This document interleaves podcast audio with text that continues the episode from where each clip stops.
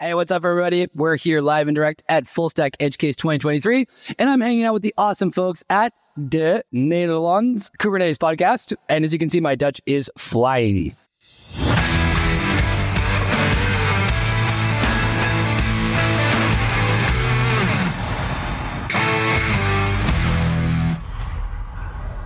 Welkom bij een nieuwe aflevering van de Nederlandse Kubernetes podcast. De podcast over Kubernetes voor iedereen vanuit Edgecase in Utrecht. Met mij is natuurlijk altijd weer Jan Stomphorst. Welkom Jan. Goedemorgen, morgen of middag. Het is nog steeds goedemorgen. Oh ja, nog nog steeds. het al zo Het voelt- vroeg. ja, het voelt misschien als middag, maar het is nog steeds morgen. En we hebben ook een hele toffe gast, namelijk Bas Bremer van Fullstack. Welkom. Dankjewel. Bas, zou je jezelf willen voorstellen aan de luisteraars? Ja, ik ben Bas Bremer. Ik ben een eh, DevOps engineer. Ik werk nu zo'n twee jaar voor Fullstack. En inmiddels eh, een jaar of vier met Kubernetes. En als cloud engineer eh, eh, slash DevOps engineer. En daarvoor heb ik gewerkt als een eh, technisch integratiespecialist. Om verschillende systemen aan elkaar te knopen. Dus wel in de IT, maar heel iets anders. Technisch integratiespecialist, hoe wat moet ik daarmee voorstellen? Wat, wat we daar vooral deden was onze eigen pakket neerzetten. En dat pakket dat diende eigenlijk altijd geknoopt te worden aan, aan EEP-pakketten. Of andere financiële pakketten. Ehm, en die informatie moet je bundelen om daar uiteindelijk wat mee te kunnen doen. En bij mijn eerste werkgever was dat eh, vooral voor de woningcorporatiemarkt. En bij mijn vorige werkgever was dat om het eh, facturatieproces helemaal te automatiseren. Oh, dat is wijs. Ja, en eh, je hebt hier een aantal workshops omtrent Cilium. Ja? Kan jij mij in Jip Janneke taal uitleggen, wat is eh, Cilium? Eh, wat Cilium eh, feitelijk doet, is het netwerk regelen binnen Kubernetes. Dus waar je voorheen eh, een Flannel gebruikte en dat vrij simpel was, doet Cilium dat net even een stukje complexer, maar vooral onder de motorkap en geeft daarbij een stukje inzicht. Oké, en als ik aan netwerking denk, dan goed, misschien eh, zit ik dan weer, ga ik dan te diep. Maar je hebt ook altijd, eh, we hebben natuurlijk Istio gehad met de service meshes. Ik eh, kijk ook even Jan aan. Zeg maar, hoe verhouden die twee zich tot elkaar voor de mensen die dat niet helemaal. Ik denk dat je die compleet los van elkaar moet zien. Waar Cilium echt verantwoordelijk is voor het netwerk binnen een cluster, is een service mesh meer voor het kijken ook naar meerdere clusters en kunnen praten met elkaar. Oké. En dat is wel een functionaliteit van Cilium, maar niet de core functionaliteit. Er Ah. zit ook een service mesh in Cilium, maar een service mesh is potcommunicatie. Oké, nou ja, helder. Dan hebben we dat in ieder geval eh, Ja, helder. heel goed. Oké, dus, eh, maar ja, goed, dan is het logisch. Waarom zou ik eh, Cilium in mijn cluster gebruiken? Ehm, wat je ziet met de, de bestaande CNI's is dat die hun, hun trucje gewoon heel goed doen. Hè? Dus eh, netwerk regelen, maar daar eigenlijk geen inzicht in geven. Dus eh, ehm, stel je hebt een, eh, een probleem binnen je, je networking. Hè? Ja. Je, je, je, je mist een stukje communicatie of iets dergelijks. Dan wil je daar graag een stukje inzicht bij hebben. En dat,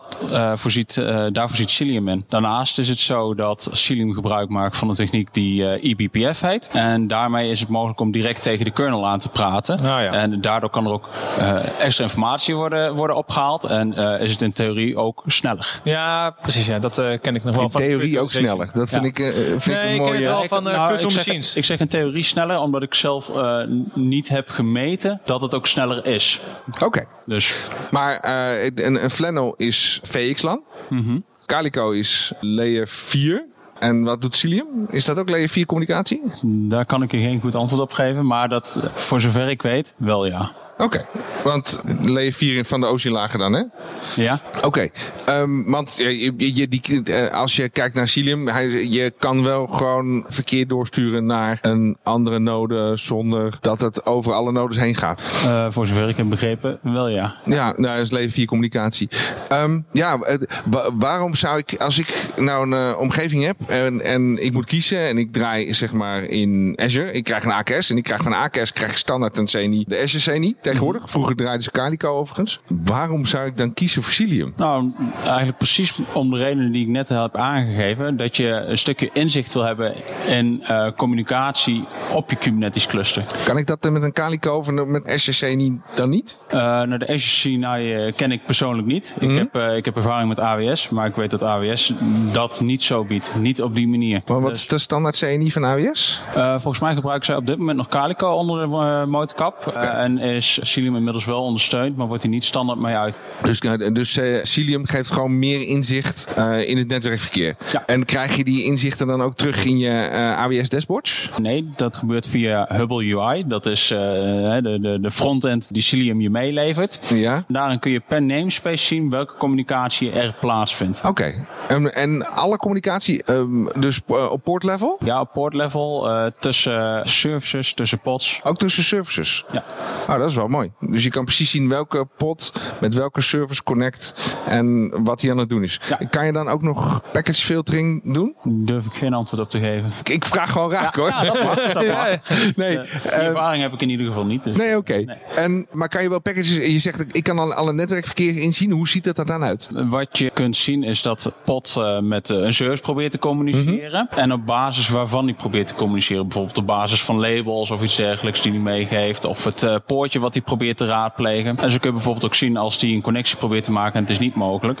Eh, dat geeft hij heel mooi visueel weer met een, een rood lijntje. wat- Oké, je ziet mooie mogelijk lijntjes. Ja, Je ziet echt ja, een visueel... Precies. Eh, je ziet niet pakketten langskomen. Dat, Nee. Je ziet echt hele mooie lijntjes. Ja. Oh, dat, dat is wel interessant. Ja, precies ja. Nou, handig. Dus dat is, dat is beter dan een, een flannel waar het, pakket, en het netwerk gewoon heel erg plat is. Ja, en, nou, beter. Eh, het geeft je gewoon meer inzicht. Waar Flannel vooral zijn trucje op de achtergrond doet, Ja. treedt Cilium wat meer naar de voorgrond.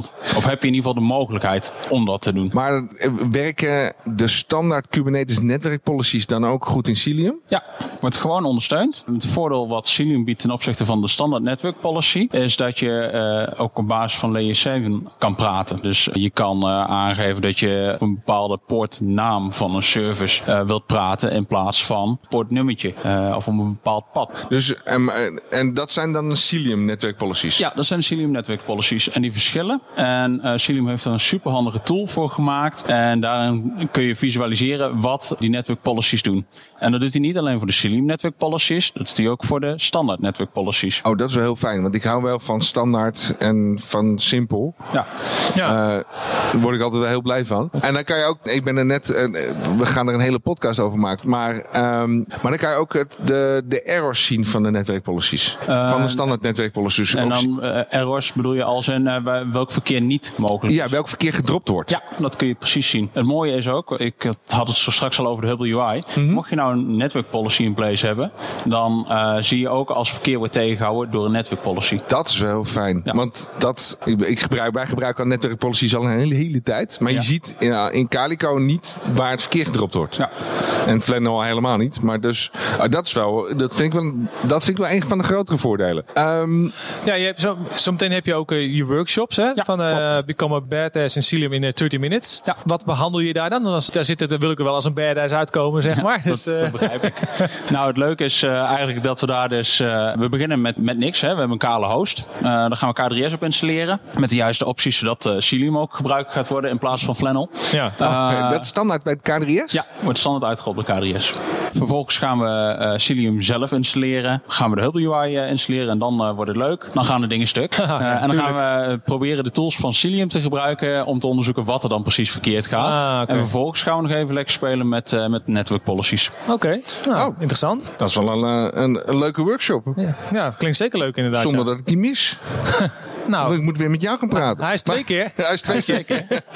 hey, en eh, je had net zoiets al eh, over IBPF. Wat, wat is dat precies? eBPF biedt je de mogelijkheid om direct tegen de kernel aan te praten. In plaats van dat daar weer een laag tussen zit wat je normaliter hebt. Is dat nieuw? Volgens mij eh, stamt de basis al uit de jaren 80. Toen heette het volgens mij nog BPF. En er Ja. is een evolutie op geweest. En, eh, dus ja, helemaal nieuw is het niet. Mhm. Alleen we maken er pas sinds kort echt gebruik van. Ja, je van als ik even vloeken, mag vloeken in de kerk. Ik ken het nog wel van een Hyper-V. Kon je dat inderdaad ook um, op je virtual machines kon je het ook aanzetten op je netwerk. Dat het ook direct zeg maar eh, kon communiceren zeg maar, met de kernel inderdaad. Ja, dus dat, dan ga je niet meer door die virtualisatielijn heen, maar ging je eigenlijk gewoon direct eh, doorheen. Hyper-V? Wat is dat? dat is echt vloek in de kerk. Ja. Maar nee. en eh, en die gebruik, de IBPF gebruik je dan als, eh, als bron voor Cilium. Moet ik het zo zien? Dus eh Cilium haakt met IBPF in de kernel? Ja. Of gaat de kernel actief melden, dit heb ik gedaan. Nou, ik denk niet dat je het altijd aan hoeft te zetten, toch? Is het standaard dat dat, Dat staat gebeurt? standaard aan. Oh, het staat standaard Ja, aan. ja. Oké. Ja, in die zin praat eh Cilium eh, via eBPF tegen de kernel aan. Oké. Ja. Dus het is een protocol waar, eh waar eh Ja. Cilium mee praat. Ja, heel, heel mooi.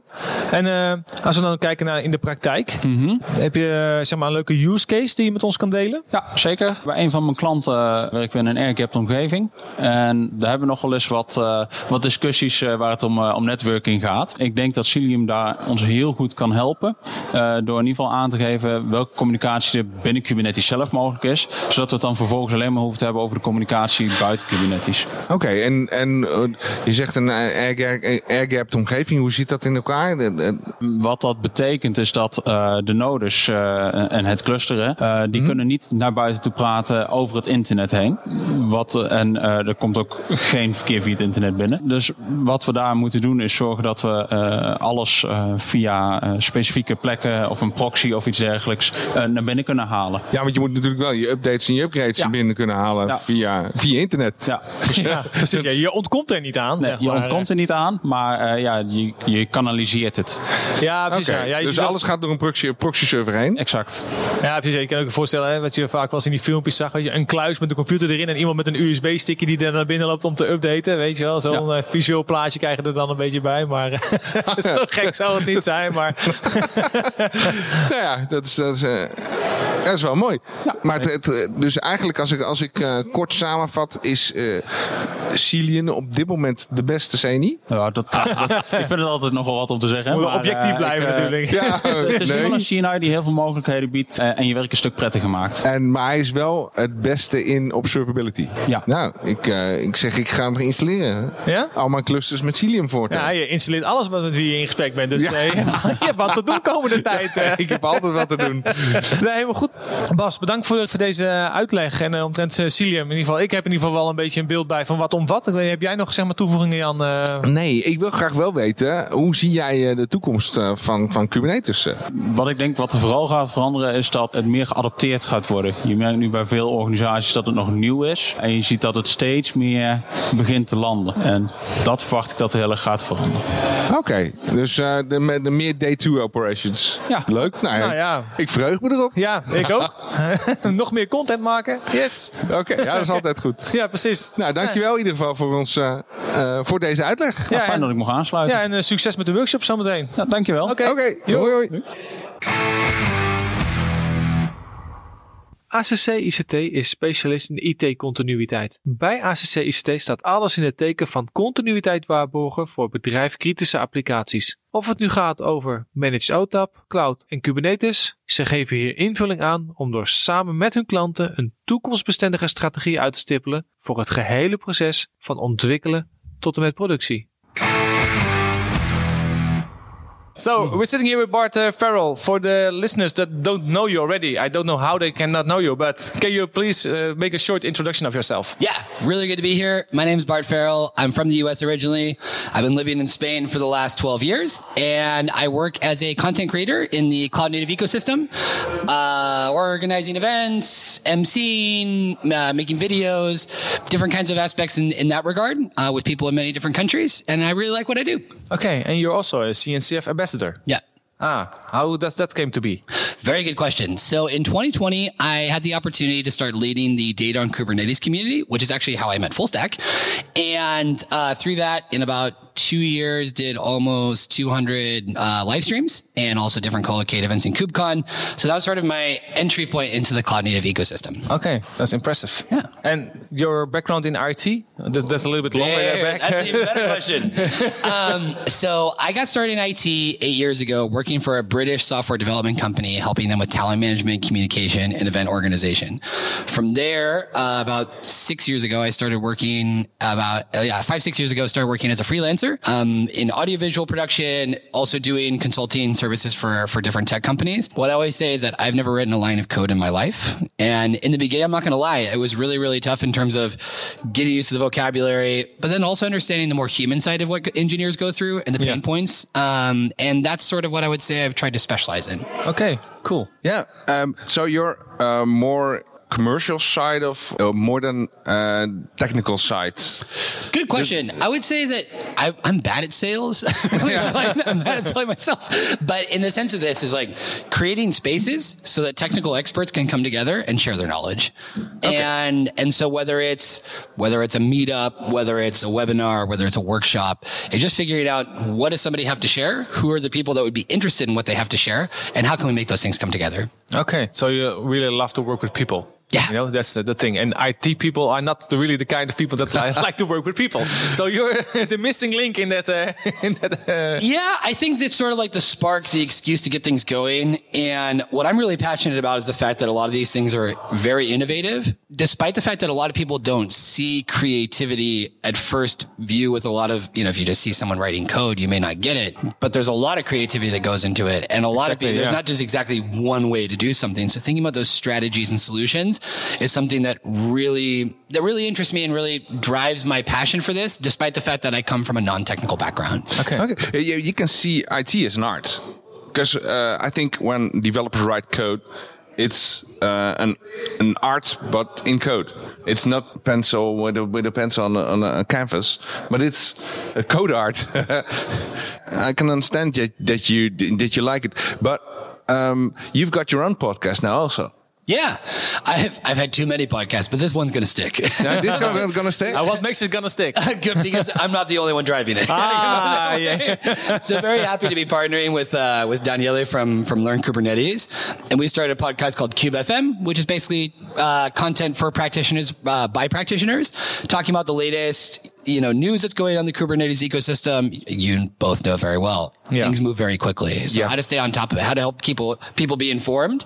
Uh, that's our that's our objective with this, and looking at the different topics, whether it's observability, whether it's you know uh, software supply chain, whether it's uh, the the growing interest in in AI, of course, as we see it being applied all over the place, is getting conversations with the right people so that people know what's going on. Ah, okay, okay. What is your most fun thing in the Kubernetes ecosystem?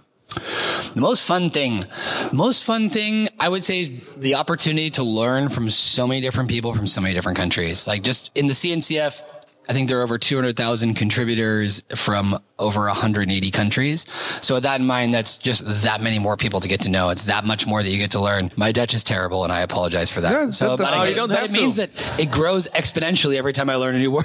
Uh, Knuffel, eh? Knuffel this year. Super tough. tough, super yeah, tough. Super yeah, tough is also, uh, pick up every time. Yeah. And, uh, do you uh, uh, do you have your own uh, Kubernetes cluster also? That is a good question. I'm starting a hot sauce company. And this And is hot be, sauce? I, yeah, don't worry. There's there is a connection to this. so yeah. open source hot sauce. So the idea is going to be that the the sauces that we're going to be making will be uh, through machines that are basically like presses, but then also pasteurize the Yeah. material, and then those will be connected to IoT sensors, and then we'll have that connected to probably Raspberry Pi to start out, and then scale it up from there. Ah. yeah. You Cool. Yeah. t- took a look, um, a great look to uh, Chick Fil A, how they do it. Exactly. Love it. Taking a lot of notes. So you're making your own hot sauce, uh, of starting your own hot sauce uh, company. That's great. I would love to taste that uh, Yes. someday. But guys, I love spicy food. But you're also uh, an ambassador for the Soda Foundation. So uh, Yep. So Soda Foundation is part of the Linux Foundation. A lot of this stuff is is kind of like you know the FBI when they have like a map of all the different people that are connected. But yeah, Soda Foundation is is a is a series of open source projects that started in 2020, responding to the particular needs of large scale end users like Intel, like Hitachi, like Huawei, like Fujitsu. A lot of companies with a very strong presence in Asia, SoftBank, and they were having significant challenges around how to avoid vendor lock-in when it came to storage. So find open source is a way to, to break that vendor lock-in. So these end users got together, sharing resources, sharing know-how, and that's how the foundation got started. And as of now, they have five different ongoing projects uh, related to different aspects of cloud native data management uh, from storage, backup and restore, also entering in parts of uh, talking about metadata storage, different uh, different elements that are related to data management. So I've been I've been collaborating with them for the last three months, and we just did a co-located event in uh, the Open Source Summit in Bilbao. okay. Great.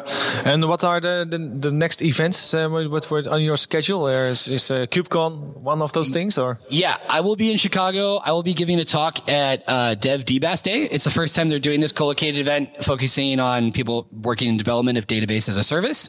So I'll be leading a panel there.